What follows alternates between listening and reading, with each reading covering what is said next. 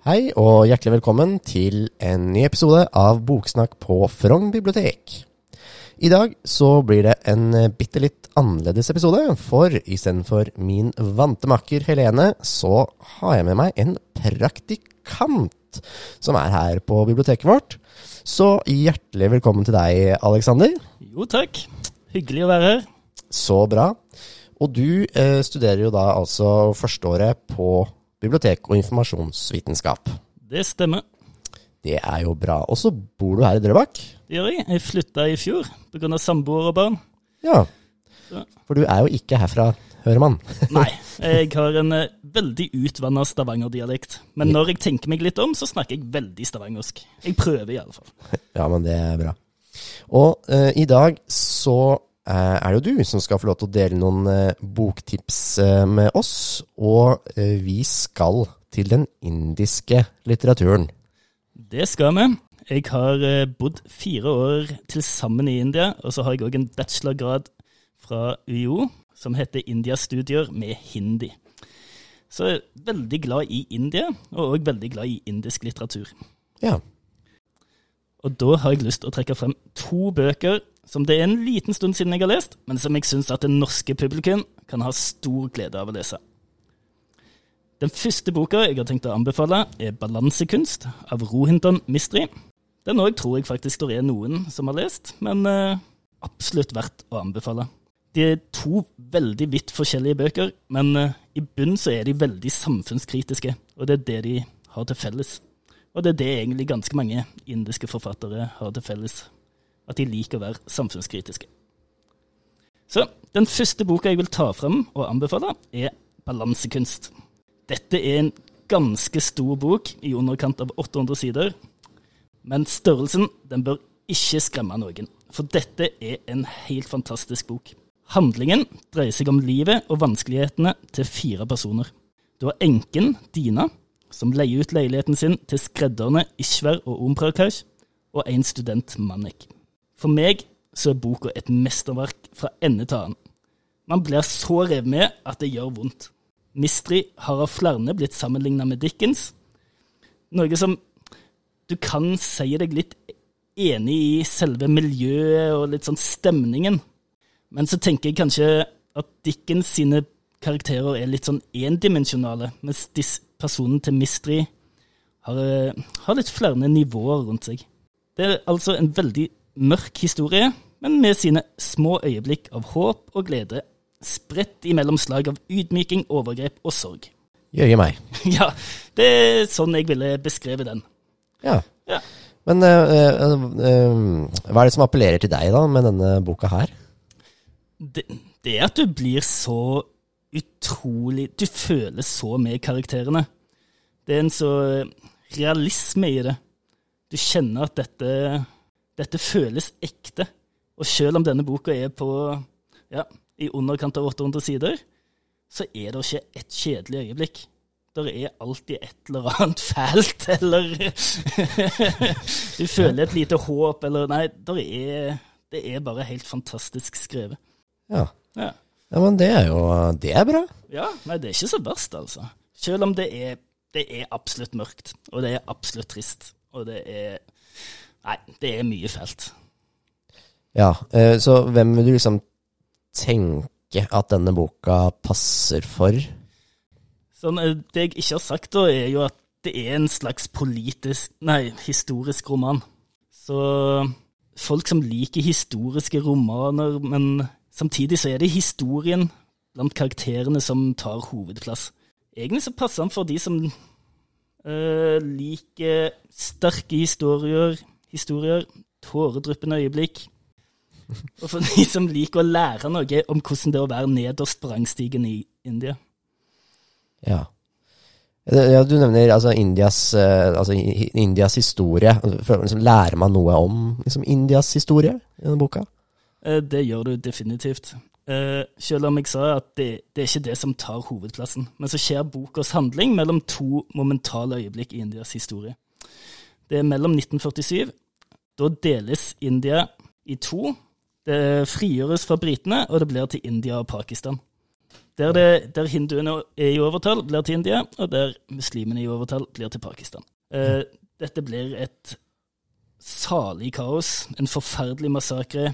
Hinduer i Pakistan flykter til India, muslimer i India flykter til Pakistan. Hundretusenvis døde. Kanskje tolv millioner på flukt.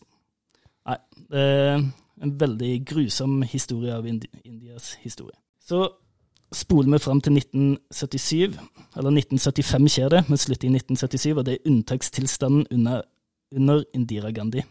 Indira Gandhi er altså statsminister, og selv om folk kanskje tenker at hun er i slekt med Mahatma Gandhi, det er hun nemlig ikke, men hun er datter til Nab Nabaharlal Nehru, Indias første statsminister. Så India erklærer da altså unntakstilstand i 1975 pga. nasjonal sikkerhet. Det har vært krig mot Pakistan, det har vært tørke, det har vært oljekrise i 73. Og regjeringen ønska ikke flere demonstrasjoner. Så under denne unntakstilstanden så ble det bl.a. politiske valg avlyst, politiske motstandere arrestert, og en stor tvangssteriliserinskampanje blir initiert, spesielt mot fattige folk som bor i slum. Og dette er hendelser som blir tatt opp i boka, samtidig som det er ikke de politiske hendelsene som står i det er mer hva som skjer, hvordan det føles å bli satt under disse store politiske bevegelsene. Jeg skjønner. Vet du noe om altså, eh, forfatteren som har skrevet uh, boka? Er det noe, noe, du kan si? Uh, han har skrevet flere verk. Han har vært litt Boka han skrev før denne, enn så lenge, ble, var litt politisk kontroversiell fordi han kritiserte hindunasjonalister. 69 år og flytta til Canada i 20-årene. Det, det, det, er omtrent det som trengs å vite, tenker jeg. Jeg skjønner. Ja. ja, men så bra. Og den andre boka, 'Hvit tiger'? Hvit tiger er en helt annerledes bok. En mye mindre bok, en mye mer lettlest bok. En bok du kan uh, lese på en dag eller to, tenker jeg da, hvis du er glad i å lese. Uh, den er fra 2008 og drives fram med mørk humor og satire. Og historiens hovedperson, Balram Halvai, han gjør en klassereise ut av de kjeldene. Fra en fattig landsbygd, fra mørket Mørket kalles eh, landsbygda i boka. Det er faktisk litt sånn eh, Charles Dickens. Der òg går jo litt i mørket på det som er trist og leit og fattig, til å bli så han går fra mørket da, til å bli en suksessfull gründer av et taxiselskap. Så historien fortelles gjennom en rekke brev, så Balram skriver til den kinesiske statsministeren, som er på vei til India, for å lære om indisk gründervirksomhet. Så Gjennom disse brevene da, så skapes en følelse av at Balram snakker til oss lesere, og da føles Og han gjør veldig mye som kanskje ikke er helt moralt greit, moralsk greit, men det føles greit fordi at han snakker til oss, og du føler at du får en uh, sympati med den. Ja. ja hva, hva, er liker, hva, er det du liker ved denne boka her, da? Uh, det er en veldig rask og veldig enkel og lettleselig historie som er gjennomsyra med mørk humor. Det er veldig mye humor. Og så syns jeg alltid det er gøy når underdogser vinner. Her har du en fattig gutt som uh, slår seg opp, og selv om han bruker litt mildt sagt kontroversielle midler for å nå det, så, så syns jeg det er gøy. Ja. Det er rett og slett en gøy bok. Ja, dette er på en måte en slags sånn, en fortelling om India i dag, så vidt jeg har forstått, eller? Ja, altså det, det er veldig mye samfunnskritisk i denne òg. Så der han ender opp i Bangalore, er jo blitt selve IT-sektoren og teknologisenteret i India. Så det, det, er en historie om India i dag. Ja. Og den er, den er morsom. Ja, veldig morsom. Ja. Veldig morsom. Eh, får litt sånn inntrykk av denne boka at det er en sånn bok som kanskje passer for menn, eller unge menn. Det, er det noe som stemmer, eller? Eh, tenker du da på at dette er en historie fullt av korrupsjon, elendig moral, egoisme? Ja, så kanskje du skulle tro det, men jeg syns ikke at den er utelukkende for unge menn. Jeg syns ikke at hvis du ikke er en ung mann i dag, så skal du ikke lese denne boka. Men han, han, er nok mest for unge menn. Men jeg har møtt folk i alle aldre, kvinner og menn.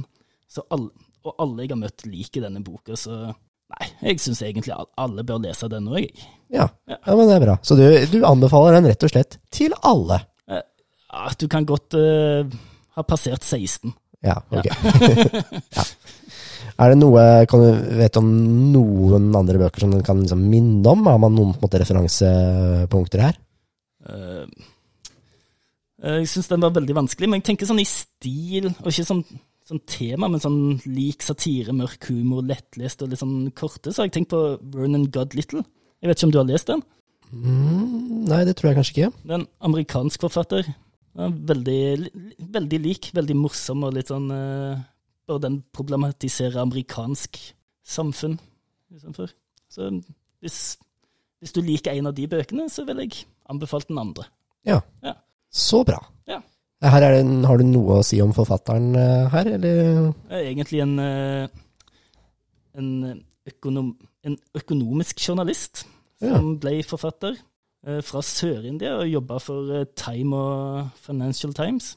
Egentlig en journalist. Det er ikke så mye å si om disse forfatterne jeg har eh, funnet fram, altså. Nei. Det er, bøkene snakker for seg sjøl. Forfatterne står det ikke så veldig mye om. Jeg skjønner. Ja. Nei, men så bra. Eh, tusen takk for gode boktips, Aleksander. Alexander. Jo, vær så god. Det, her håper jeg lytterne kjenner sin besøkelsestid og utforsker den indiske litteraturen. Ja, Det håper jammen jeg òg. Eh, Det var veldig hyggelig at du ville være med her og dele disse tipsene. Eh, Så tenkte jeg bare kjapt å nevne noe av det som skjer på biblioteket fremover. Og nå er det jo sånn at eh, påsken, den nærmer seg. Eh, Er du opptatt av krim i påsken? Nei, det må i så fall være påskenøttene på NRK. Ellers er det ikke så mye krim. Nei, det er ikke så veldig krimete de heller, kanskje, men eh, Nei. Bokkafeen vår onsdag 6. april, det blir nemlig en krimkafé, hvor vi presenterer litt forskjellige krimbøker. Fordi jeg mener nå i hvert fall at det blir jo ikke ordentlig påske uten en god krimbok. Så dette er da onsdag 6. april klokken 13. Ellers så har vi påskeverksted for barna. Det er nå lørdag 2. april. Og da kommer eh, Siv Elena Skinnemoen. Og da skal vi lage påskepynt av ting i naturen. Så det tror jeg blir veldig spennende. Og det verkstedet det er åpent fra klokken 11 til 14, altså på lørdag 2. april. Så da tror jeg egentlig det var eh, alt for i dag. Eh, tusen takk for at du var med, Aleksander. Jo, vær så god. Bare hyggelig. Og eh, tusen takk til deg som hørte på. Ha det bra. Ha det bra.